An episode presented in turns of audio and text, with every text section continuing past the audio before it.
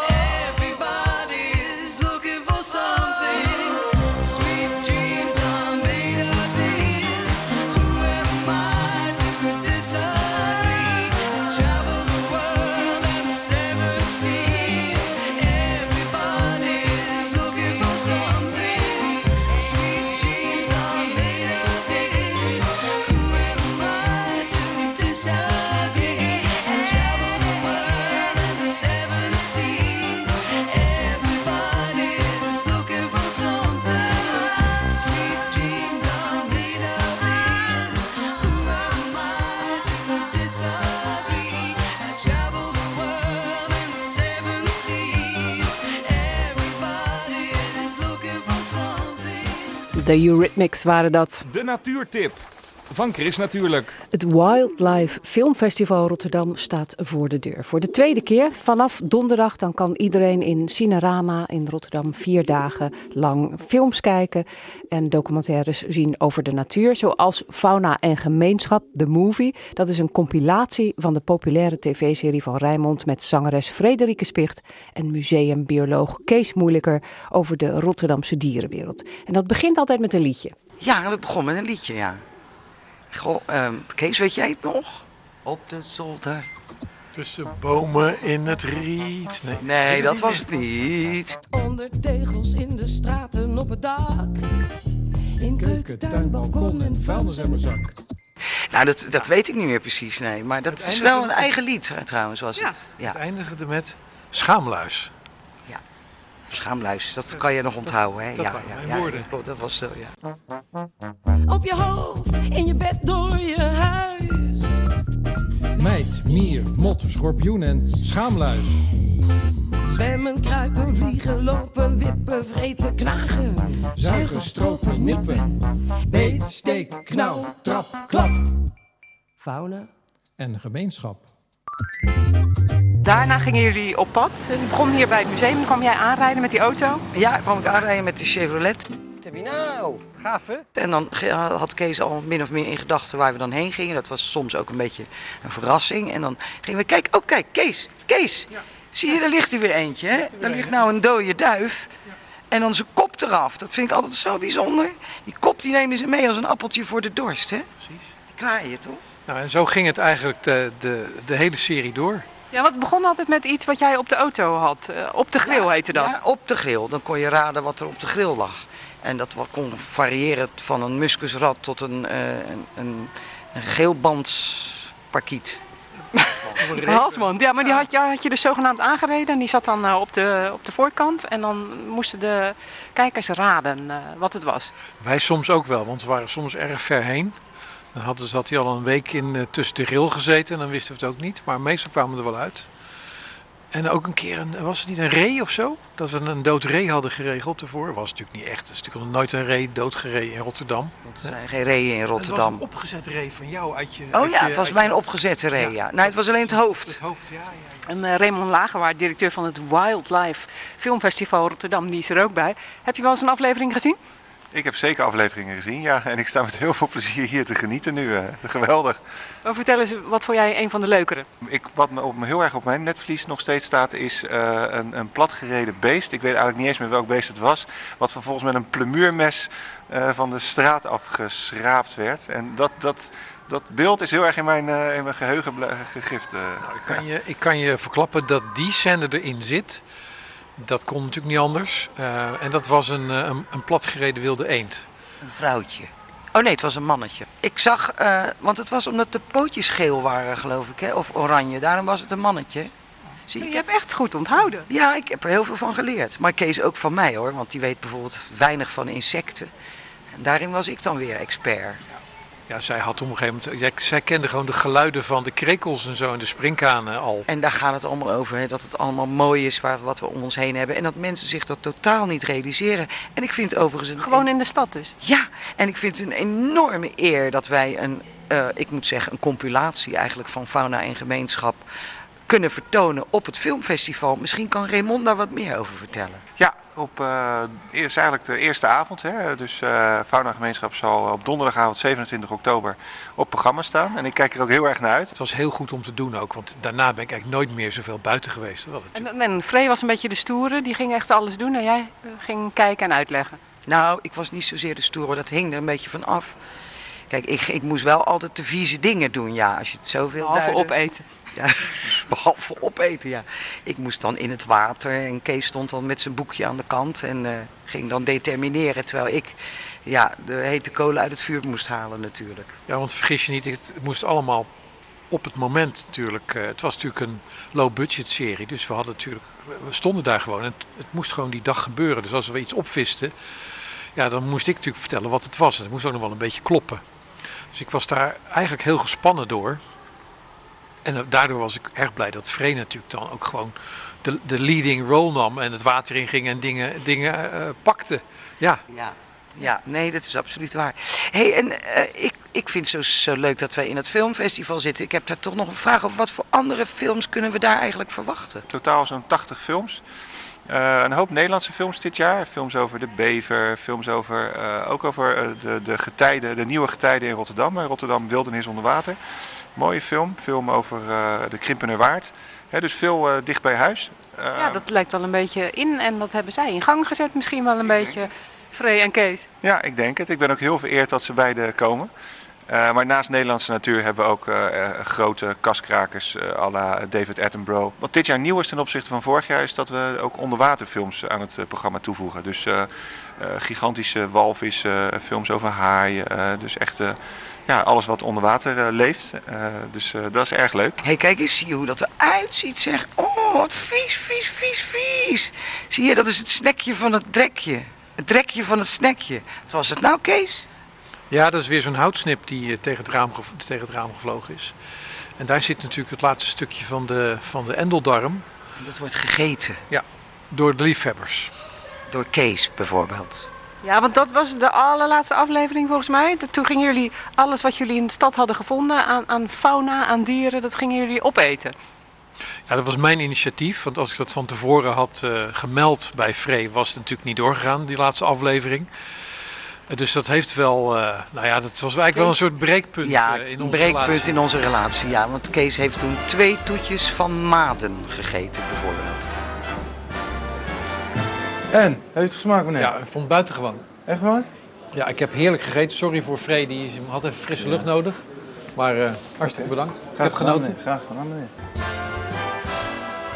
Nee, want Frey die ging even Je eigen aarsmaden. Ja, die ging buiten even braken. Je eigen aarsmaden. Nee, nee, nee, we waren gewoon gekweekt. Het zijn gewoon gekweekt. Kan je gewoon bij de, bij de Appie Heijn kopen tegenwoordig. Dat is allemaal niks Dat bijzonders is niet meer. waar. Bij de Albert Heijn verkopen ze helemaal geen maden. Kees, je bent een viespeuk. Ja, nou, dat, is- dat is een waar woord. Maar het was een leuke aflevering omdat we nijlgans gegeten hebben. Houtsnip, dat drekje van Heel, Snap. heel vies, Nijlgans. Jammer genoeg. Nijlgans is, ja, denk ik toch wel jammer. Waar smaakt het nou naar lever? Nou, het is keihard. Jij gaf het volgens mij aan, aan de hond. Uiteindelijk wel, ja. ja. Dus ik zag wel, dat die zat naast je en dan af en toe kreeg hij gewoon een lekker hapje. Ja, die heeft eigenlijk mijn hele diner wel. De wijn was heel goed trouwens. We kan me nog herinneren. Er waren goede wijnen trouwens, ja. Hey, en de hond, hoe heet die? Lucas. En die is er nog steeds, die heb je meegenomen. Ja, nou, Lucas is er nog. En die staat nu te loeren om dat hele lekkere drekje van, snackje van het drekje. Het snapje van het drekje. Kees, wat was het nou? Het was het eh, drekje van het snapje. Ja. Snapje dan met een B. En is deze tv-serie filmwaardig? Ja, absoluut, absoluut. Maar je hoort ook wel dat deze eh, twee personen er nog een extra leuk spektakel van maken, zoals je, zoals je merkt. Ja, Maar want dat doen jullie ook na de film. Gaan jullie samen nog iets doen?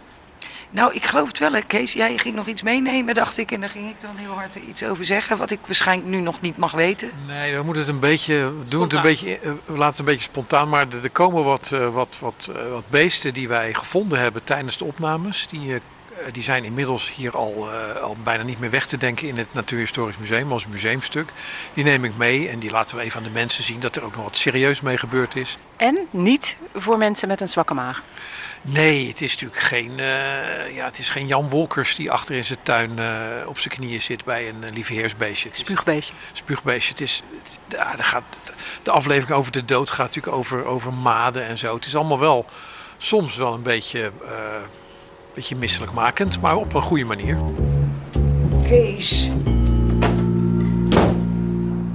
Te zien op de openingsavond van het Wildlife Filmfestival Rotterdam. Het WFFR is van donderdag 27 tot en met zondag 30 oktober te zien in Cinerama in Rotterdam.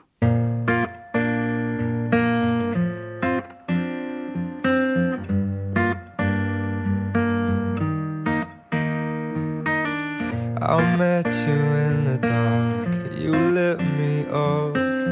You made me feel as though I wasn't off. We danced the night away, we drank too much. I held your hair back when you were throwing up. Then you smiled over your shoulder. For a minute, I was stone cold sober. I pulled you closer to my chest. And you asked me to stay over. I said, I already told you. I think that you should get some rest. I knew I loved you then, but you'd never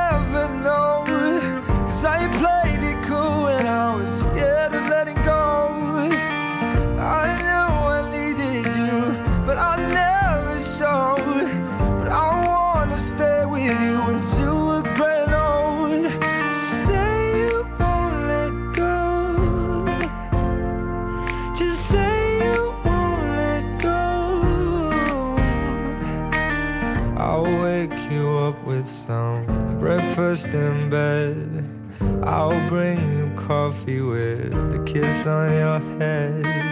And I'll take the kids to school, wave them goodbye. And I'll thank my lucky stars for that night. When you looked over your shoulder, for a minute I forget that I'm older. I wanna dance with you right now. Oh, beautiful as ever. And I swear that every day you'll get better. You make me feel this way somehow. I'm so in love with you, and I hope you know, darling, your love is more than worth its weight in gold. We've come so far, my dear.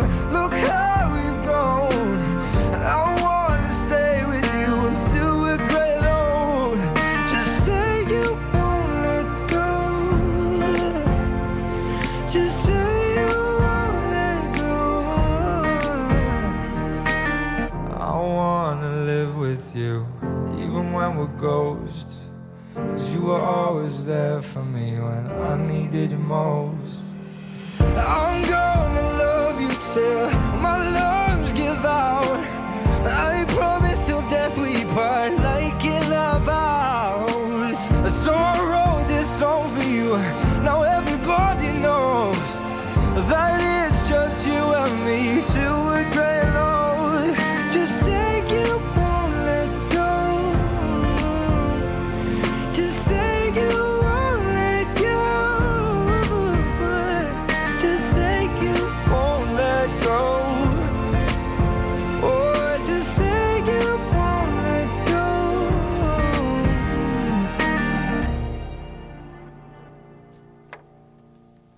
Ik zit zo te dromen. Ik vond het hartstikke mooi eh, liedje. Het is van James Arthur. Say You Won't Let Go.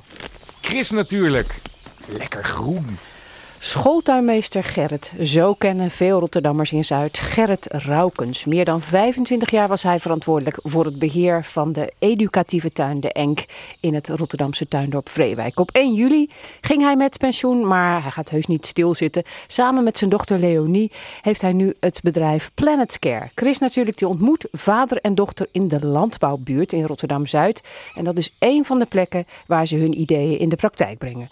Als je je bedrijf Planet Care noemt, zorg voor de aarde, dan klinkt dat een beetje zweverig. Is dat ook zo? Misschien wel, maar wij proberen het praktisch eh, te benaderen. Wat we hier in de landbouwbuurt gaan doen is vergroenen.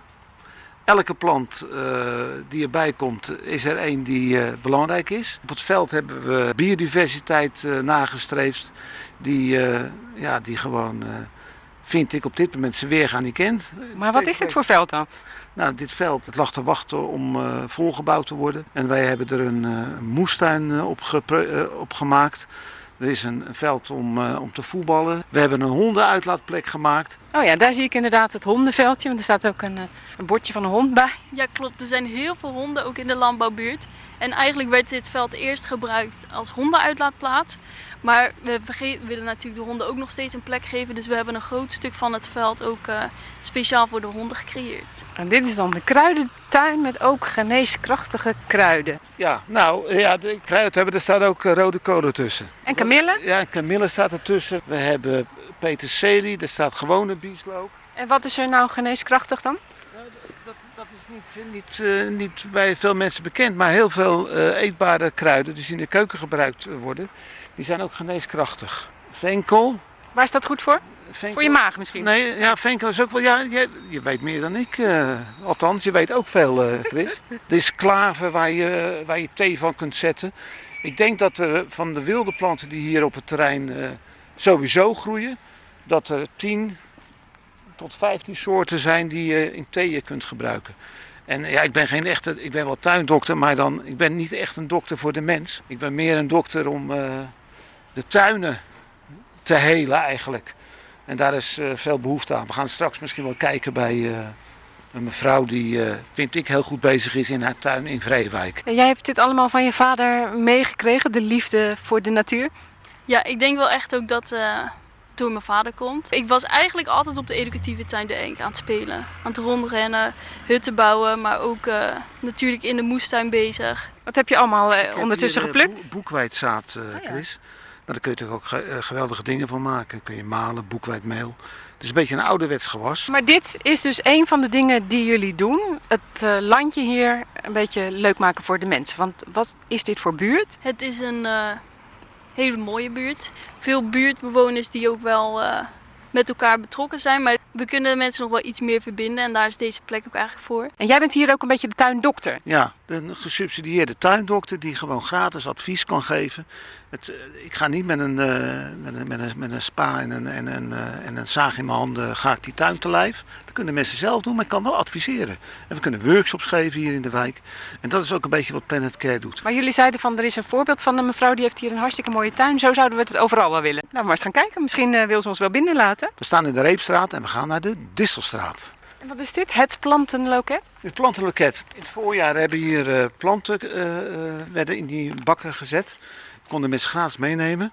En de bedoeling is dat planten die ze over hebben hier naartoe brengen. En alles wat erin staat kunnen ze weer meenemen voor hun eh, eigen tuin.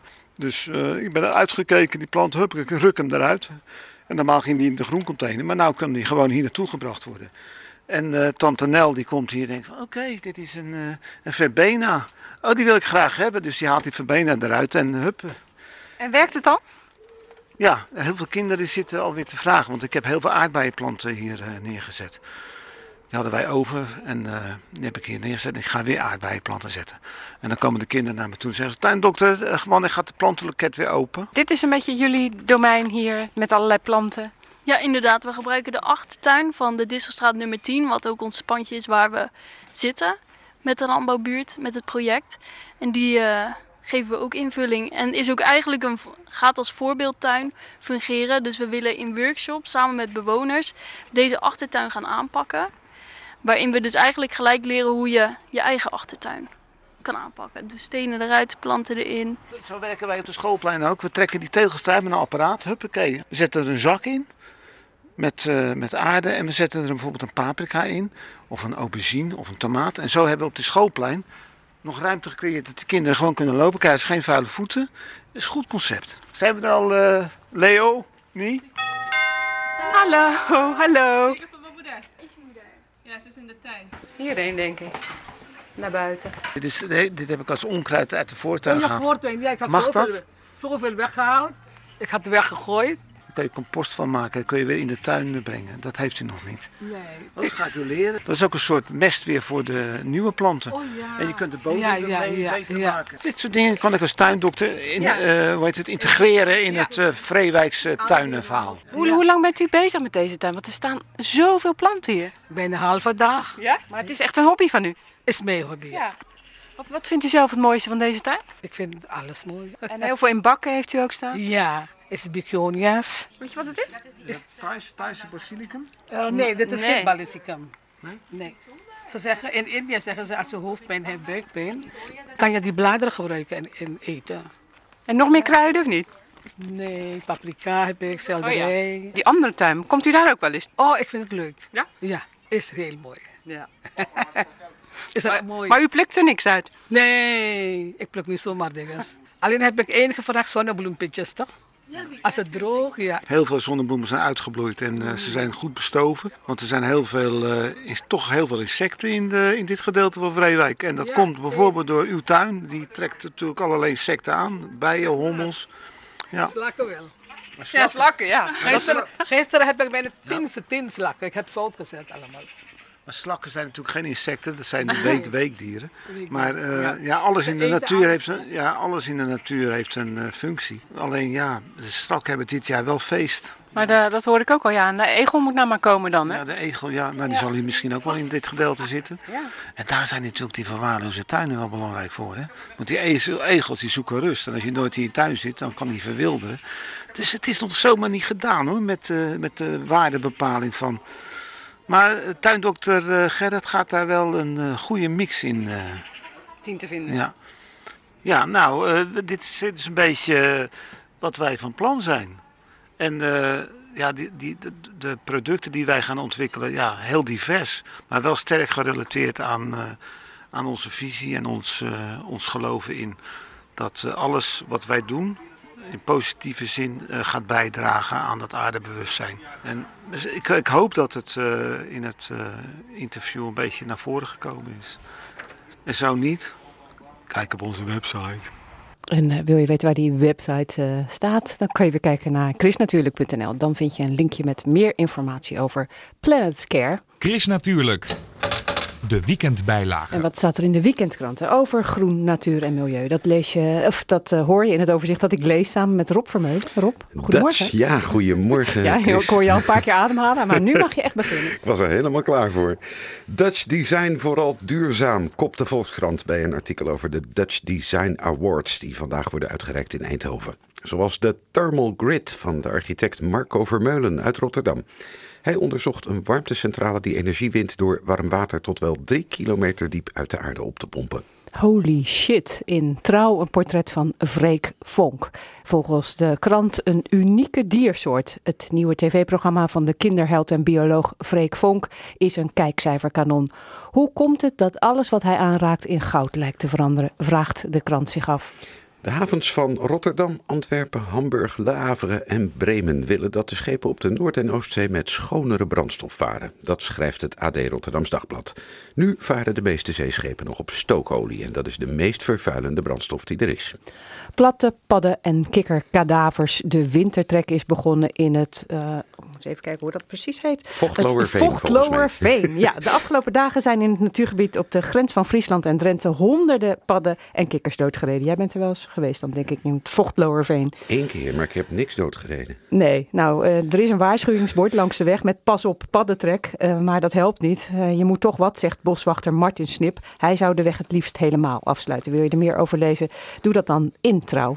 Ja, en die padden die horen die auto's niet aankomen. Zeker niet als het elektrische auto's zijn. En die komen er nu echt aan, lezen we in de Telegraaf. Op de onlangs gehouden autoshow in Parijs werd het nieuws gedomineerd door de elektrische auto. Bijna alle fabrikanten komen op korte termijn met dit soort nieuwe modellen. Chris, jij komt nog steeds op de fiets hier, hè? Zeker, maar niet op de elektrische fiets. Zelfs geen elektriciteit heb jij nodig om hier te komen. Nee, ik doe het helemaal zelf. Rob Vermeulen was dat met het groene nieuws over de weekendkranten. Dan gaan we door met Leen de Koning voor het weer. Leen, goedemorgen. Nou, ik vond gisteren eigenlijk een hartstikke mooie dag. Krijgen we vandaag weer zo'n dag? Ja, het lijkt wel een beetje op het weer van gisteren. Nou, je had in ieder geval geluk op de fiets, Chris, dat je al hebt gemerkt dat er maar weinig wind stond. En eh, vandaag houden maar weinig wind, een zwakke wind, hooguit matig, windkracht 2 tot 3. Die waait uit een oost-noordoostelijke richting. Nou, op dit moment is het toch eh, vrij, eh, vrijwel overal bewolkt. Hier en daar was afgelopen nacht wat nevel ontstaan, wat mist, maar vandaag niet van die misttoestanden als gisteren. En in de loop van de dag zien we toch ook van tijd tot tijd de zon doorbreken en het blijft vrijwel zeker overal droog. Nou, bij die zwakke tot matige wind uit oost-noordoostelijke richting gaat de temperatuur oplopen naar zo'n 11 tot 12 graden. Later vandaag en ook komende avond en nacht is het vrij helder. Wel kan er dan vannacht weer op uitgebreide schaal mist gaan ontstaan.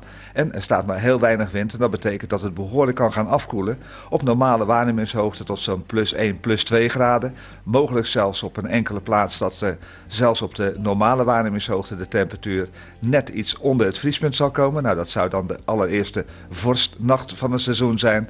Maar op de, aan de grond zal op veel plaatsen de temperatuur wel onder nul dalen de komende nacht. En die mist die kan dus morgenochtend tijdelijk voor het verkeer hinder opleveren. Ja, dan is het altijd de vraag hoe snel die mist eh, morgen weer zal verdwijnen. Nou, in de loop van de dag krijgen we weer met wat drogere lucht te maken.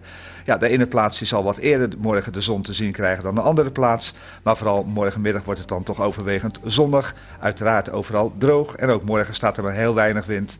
Een zwakke wind uit oostelijke richting. De maximumtemperatuur die zal uitkomen rond de 11 graden. In de loop van eh, maandag krijgen we met een storing te maken. Aanvankelijk is het droog, ook in de nacht van zondag op maandag, maar dan zijn er al meer wolkenvelden. Dat betekent dat de kans op mist en lage temperatuur niet zo groot is. De minimumtemperatuur schommelt dan rond ze- de 5 tot 6 graden. Maandag wordt de wind wat sterker, een matige wind, windkracht 3 tot 4. Uit een oost-noordoostelijke richting. En dan in de loop van de maandag bereikt een neerslaggebied onze regio. En dan valt er af en toe regen. En daarmee zullen we ook af te rekenen hebben in de nacht van maandag op dinsdag. En nog een groot deel van dinsdag. Dus dan wisselvallig herfstweer. De wind nog niet al te sterk, zwak tot matig uit oost-noordoostelijke richting. Maandag een graad of 11, dinsdag een graad of 12. En daarna volgt weer een periode met een aantal droge dagen. Dus ja, af en toe heeft de natuur ook wat regen nodig natuurlijk. Eh, zo is het, Leen. Dankjewel. Fijn weekend. Hetzelfde.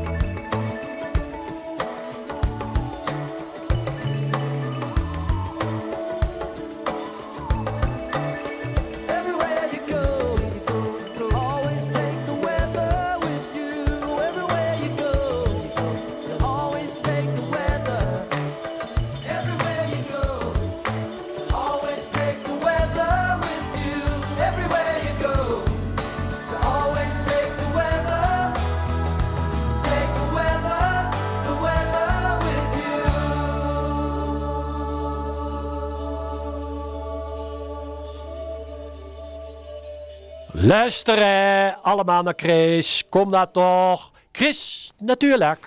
Monica Wesseling die schrijft al jaren over natuur. Als journalist voor kranten en tijdschriften, maar ook als schrijfster van boekjes waarin ze antwoorden zoekt op vragen als: kan een merel dronken worden van gistende besjes? Of krijgt een specht koppijn van al dat getik tegen een boomstam?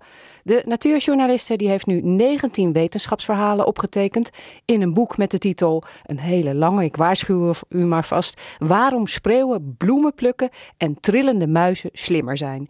In Wijkpark het Oude Westen in Rotterdam vertelt de schrijfster aan Chris natuurlijk hoe ze op het idee kwam voor haar nieuwe boek. Ik kwam op het idee omdat ik bezig was met een serie in Dagblad Trouw. En toen vroeg ik me af, waarom G.W. Leeuwen? Want in die serie vroeg ik me dat soort dingen af. Toen heb ik een gedragsbioloog gebeld. En ehm, die zei van, nou nee, ik weet, dat weet ik niet. Ik zeg, maar wat, wat weet jij dan wel eigenlijk? Toen vertelde hij mij dat hij onderzoek doet naar de links- en rechtspotigheid van muizen. Dus ik eh, heb met hem doorgepraat en toen bleek dat in de Universiteit van, eh, van Groningen aan het G-Lives Instituut zulk ontzettend leuk onderzoek wordt gedaan dat ik dacht, ja, dat wil ik mensen gewoon laten weten. En het zijn inderdaad 19 heerlijke verhalen geworden. Denk je dat we hier in dit park schepsels tegenkomen uit je boek? Ik zag toen net wel een spreeuw voorbij vliegen toen ik uit het station hier naartoe liep. Ik zie meiden die eh, ontzettend aan de patat zitten en ook heel erg opgefokt lijken. Nou, dat lijkt me dus ook wel iets eh, om over te hebben. Ja, want En dit bovendien- boek gaat dus bijvoorbeeld over mensen die liever een vette hap eten dan een frisse paprika als ze stress hebben. Iedereen weet dat een worteltje gezonder dan is, maar heb jij maar eens ruzie met je baas, geheid dat je naar de chocoladetaart grijpt. Na de aanslag op de Twin Towers werd de verkoop van pizza's schoot omhoog. En toen was ze, ja, wat, wat is dat nou? Waarom gaan nou opeens die pizza's zo goed? Dus er zijn die Groningse onderzoekers die zich echt elke keer wat afvragen, want dat is dus dat, die universiteit. En die vroegen zich af, hoe zit dat nou eigenlijk? Dus die zijn ratten, hebben ze op fastfood gezet en op gezond voed. En toen hebben ze ze stress gegeven door zwakke mannen te confronteren met sterke mannen. En die zwakke mannen kregen daar natuurlijk ontzettende stress. Nou, de zwakke mannen die op fastfood zitten, die hebben veel minder stress, bleek, dan de mannen die op gezond voed- voedsel zitten. Nou, dan gaan ze natuurlijk kijken en dan blijken dat hormonen in de, in de hersenen te zijn die daarvoor verantwoordelijk zijn. En dat niet alleen, ze zijn niet alleen dat ze minder gestrest zijn, die mensen op, op, of die ratten op fastfood, maar ze voelen zich ook lekker. Nou kun je natuurlijk niet aan een rat vragen, zeg rat, hoe voel jij je? Want die zegt niks terug. Maar je kunt dat meten aan de hand van een gehalte en de gevoeligheid voor serotonine, wat men ook wel het gelukshormoon noemt. Dat gehalte of die gevoeligheid voor dat serotonine ligt bij die ratten op fastfood veel hoger. Dus er hoeft maar een heel klein beetje van dat hormoon in je hersenen te zitten en je denkt, joh, hey. Dus ik kan lekker altijd eh, fastfood gaan eh, eten en dan ben ik altijd blij is en nou is het dus- altijd goed voor me Nee. tegen de stress. Ja, dat is nou dus een beetje het jangere. Fastfood is natuurlijk voor je lijf niet zo gezond. Dit is natuurlijk heel rustgevend waar we hier lopen. Ja, dat is de, de, de wijktuin in dit prachtige kleine parkje in, eh, aan de Westkruiskade. Het is echt een snoezig pandje- parkje met, met mooie bomen. Het is natuurlijk ook een heel mooi moment van, van het jaar. Dus het is inderdaad heel rustgevend hier. Ik zou best een wortel lusten. Jij bent eh, een beetje zoals die onderzoekers, want jij stelt jezelf ook altijd vragen over dingen, hoe dingen zitten in de natuur. En dat doen die onderzoekers ook. Ze hebben bijvoorbeeld zich afgevraagd waarom spreeuwen, en ik wist helemaal niet dat ze dat deden, waarom spreeuwen bloemen brengen in het nest. Die die brengen dus bloemen in dat nest. En ja, dan kan je nog denken, ja, daarmee lokken ze vrouwen. Inderdaad, de nesten met veel bloemen krijgen veel vrouwen. Maar ze blijven die bloemetjes maar aandragen als er een vrouw is gearriveerd. En dat is natuurlijk onlogisch. Toen heel toevallig kwam vanuit de kippenindustrie een noodkreet. Jongens, onze kuikens hebben zoveel last van bloedluizen. Kunnen jullie daar niet iets aan doen? Toen dachten zij, verdorie is die kippenjongen last hebben van bloedluizen. Zou dat dan met die spreeuwjongen ook zo zijn? En inderdaad, die spreeuwjongen die werden lek geprikt. Aha, dachten die onderzoekers, wellicht zit daar iets in. Dus ze zijn beter gaan kijken naar die bloemetjes. En wat bleek nou? Op die bloemetjes zitten roofmijten. En die roofmijten die hebben het gemunt op die bloedluizen. Dus wat doen die spreeuwen eigenlijk? Die importeren gewoon vijanden van die bloedluizen en brengen daarmee dus een medicijn dat nest binnen. Maar nou is er nog iets raars, want ik vind dit al fantastisch. In het voorjaar, en dat is dus het moment waarop het gebeurt, zijn die roofmijten, ja, die hebben net de hele winter moeten doorbrengen. En in de winter zijn er geen bloedluizen, of, of veel, minder, veel minder. Wat doe je dan als roofmijt? Ja, Dan ga je naar de muizen toe. Ga je bij muizen leven op het muizenbloed. In het voorjaar zitten die roofmeiden. Die komen dat muizenholletje weer uit. Want die denken, joh, gij, het is weer de tijd van bloedluizen. Komen eruit, gaan op de bloemetjes zitten die in de buurt van dat nestje zitten. Die spreeuwen, die zoeken in het voorjaar de nesten van muizen op. Dat doen ze overigens aan de hand van de UV-straling in de urine. Dus het is allemaal even, even wonderlijk. Die, elk verhaal is opnieuw weer heel raar. Dan zoeken ze die muizenholletjes op. Juist daar gaan ze bloemen plukken. Daar zitten de meeste roofmeiden en brengen die dus naar hun nest. Nou, Zo leuk kan wetenschap dus zijn. En je kan er meer over lezen in. Hoe heet je boek ook alweer? Want het is een hele lange naam. ja, waarom spreeuwen, bloemen plukken en trillende muizen slimmer zijn. En het boek met 19 verrassende wetenschapsverhalen van Monica Wesseling is uitgegeven bij Cosmos. Het kost in de winkel 12 euro en 99 cent. Maar er is één luisteraar die het boek kan winnen. Bel 010 436 4436, dan maak je kans. Chris natuurlijk. Lekker lezen. Lisbeth Bede die verhuist naar een keurige buurt met oude villa's en een winkelstraat vol dubbel geparkeerde Hummers, Range Rovers en bakfietsen. Maar ook een buurt waar een geheim en geheimzinnig vrouwengenootschap werkt aan een samenleving waar vrouwen de baas zijn. Daarover lees je in De Verlossing van Lisbeth Bede, het nieuwe boek van Sophie Zijlstra. De schrijfster is hier om er meer over te vertellen. Sophie, goedemorgen. Je hebt al eh, drie romans geschreven over de vrouw van Louis Couperus bijvoorbeeld en over Margot, het zusje van Anne Frank. Dat waren vooral boeken die iets te maken hebben met geschiedenis. Dit keer sla je een andere weg in. Ja, Chris, dat klopt. Hi, goedemorgen. Hallo. Ehm, eh, deze keer dacht ik ehm, ehm, dat het tijd werd om de eh, vertrouwde obstakels, of de hou vast, moet ik eerder zeggen, niet obstakels van feiten, die eh, bijvoorbeeld het schrijven van een geschiedenisroman heeft, om die los te laten. En ik eh, voelde meer vrijheid om veel fictiever te schrijven. Ja, want waarom was de geschiedenis altijd zo'n inspiratiebron voor jou? Nou, eh, ik vind geschiedenis heel inspirerend. Dus ik eh, ga graag naar plekken waar geschiedenis is. Waterloo of dat soort plekken. Ja. En ik ben gek op archiefonderzoek. Je kunt mij eh, dagen in archief zetten en dan kom ik er nooit meer uit. Dus, eh, Maar van huis uit ben je sinologe. Ja, klopt, inderdaad. Ja. Maar je ja, dacht niet van ik ga geschiedenis studeren, maar Nee, Chinees. toch Chinees. Ja, dat is dan misschien de taalkant die, eh, Die je ook die, die toch overhand heeft gehad. Ja, en je geeft eh, Chinese les op een middelbare school. Ja, klopt. Heel leuk. Ja, eh, op de Ring van Putten in Spijkenisse. Ja, wat leuk dat dat tegenwoordig zo is. Hè? Want dat is, dat is toch nog niet eens zo lang zo, denk ik, dat er Chinese les Nee, wordt gegeven. Ik denk dat het nu zo'n tien jaar is en het neemt enorm toe. Het aantal eh, collega's ook, eh, docenten, nemen enorm toe. En het is heel erg leuk om te zien. Er worden ook hele goede resultaten bereikt bij de leerlingen. Iedereen ja, vindt kunnen het ze, heel spannend. zeg maar, als ze in de zesde zitten of in de vijfde, kunnen ze dan echt een, een, een goede tekst luisteren en schrijven? Nou, dat is eh, heel ambitieus, maar ze kunnen wel eh, een gesprek voeren op basisniveau. In de zin dat ze nou ja, dingen kunnen uitwisselen waar iemand werkt, hoe ze heten, waar ze wonen, hoeveel eh, gezinsleden ze hebben.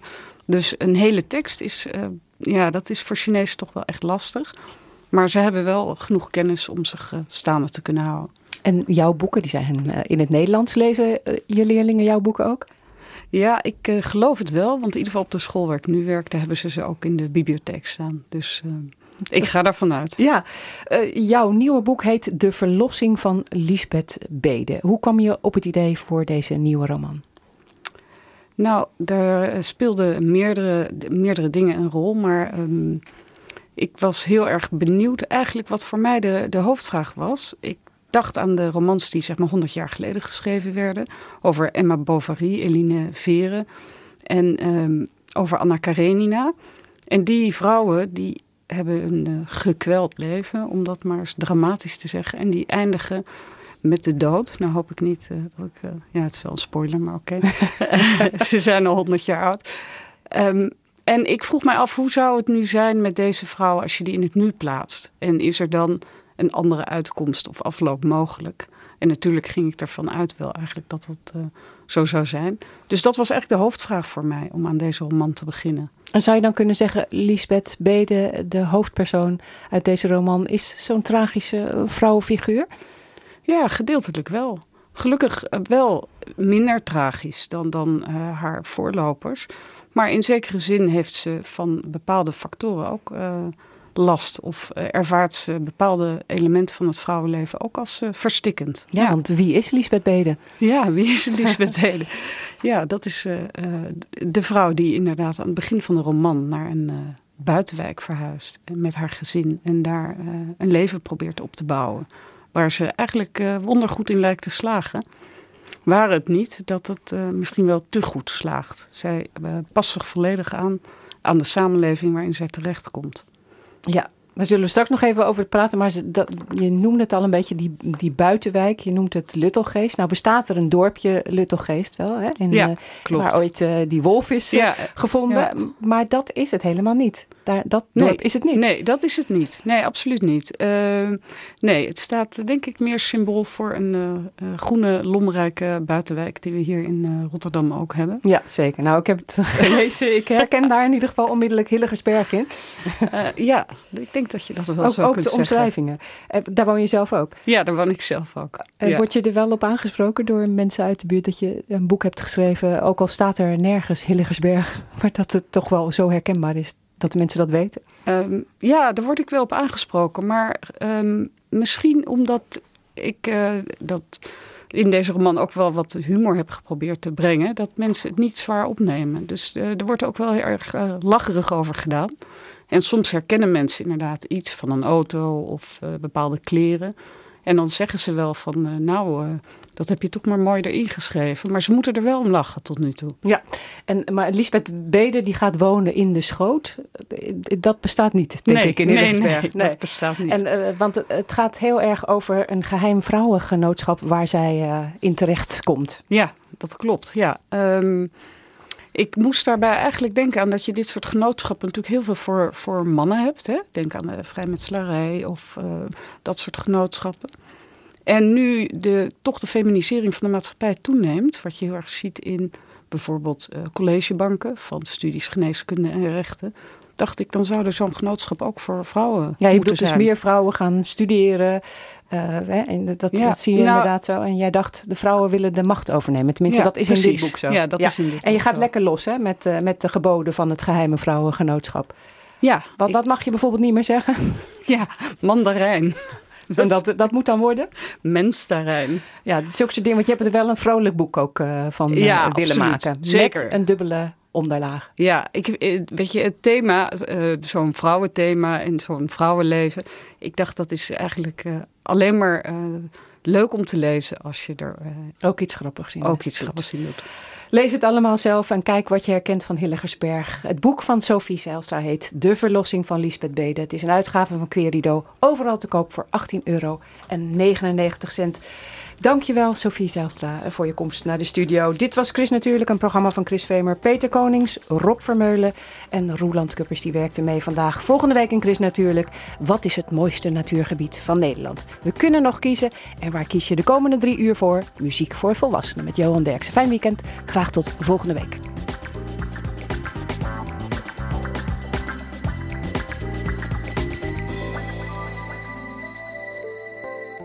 Chris natuurlijk. Kijk ook op chrisnatuurlijk.nl